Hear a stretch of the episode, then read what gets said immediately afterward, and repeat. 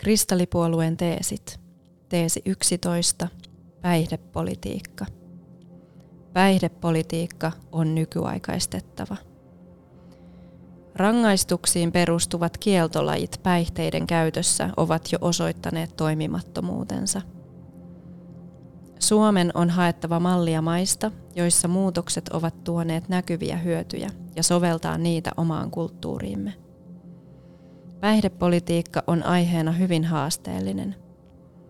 Päihteiden vastustajat sekä puolustajat argumentoivat todella usein niiden olemassaoloon voimakkaasti ja useimmiten tunteella, välittämättä niistä tutkimuksista ja kokemuksista, joita maailmanlaajuisesti on saatu. Otetaan esimerkki. Huumeiden käytön rangaistavuudesta pitää luopua. Toimintatapoja tulee arvioida aika ajoin uudelleen – Tämä koskee myös huumepolitiikkaa. Huumausaineiden käytön rangaistavuuden tarpeellisuudesta tulisi käydä laaja yhteiskunnallinen keskustelu. Mielestämme huumeiden käyttöön tulisi puuttua pikemminkin sosiaali- ja terveydenhuollon keinoin kuin rikoslailla ja rangaistuksilla. Yllä oleva teksti on kansainvälisiin tutkimustuloksiin perustuvaa, ja se on kopioitu suoraan Terveyden ja hyvinvoinnin laitoksen sivuilta kuten myös tämä.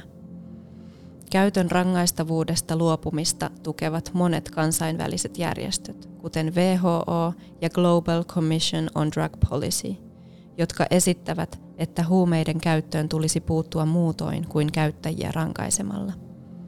Tämä koskisi kaikkia huumausaineita. Vaikka huumeiden käyttö ei olisi enää rikos, käyttö voi silti olla kielletty ja lievästi rangaistava rike, kuten vaikkapa matkaliputta matkustaminen tai väärin parkkeeraaminen.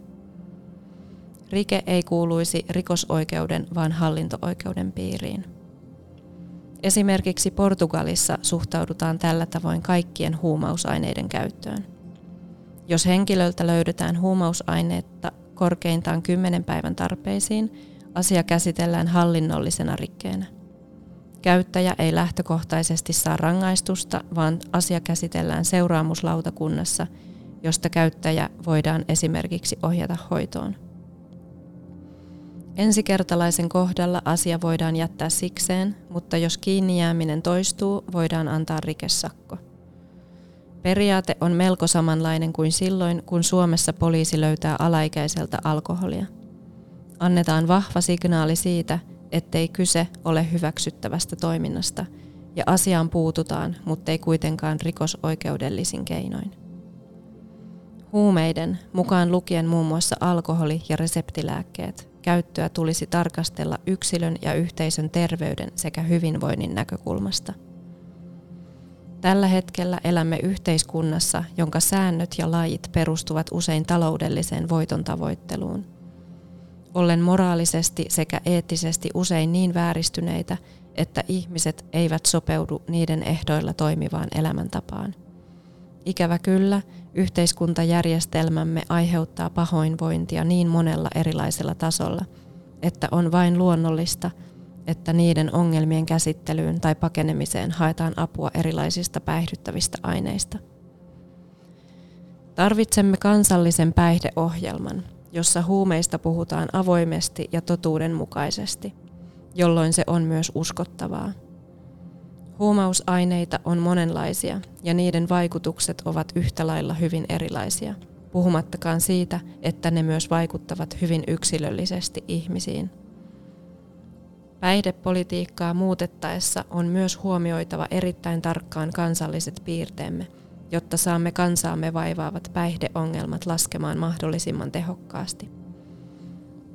Onneksemme saamme hakea neuvoja monista niistä maista, joissa muutoksia on jo tehty onnistunein tuloksin.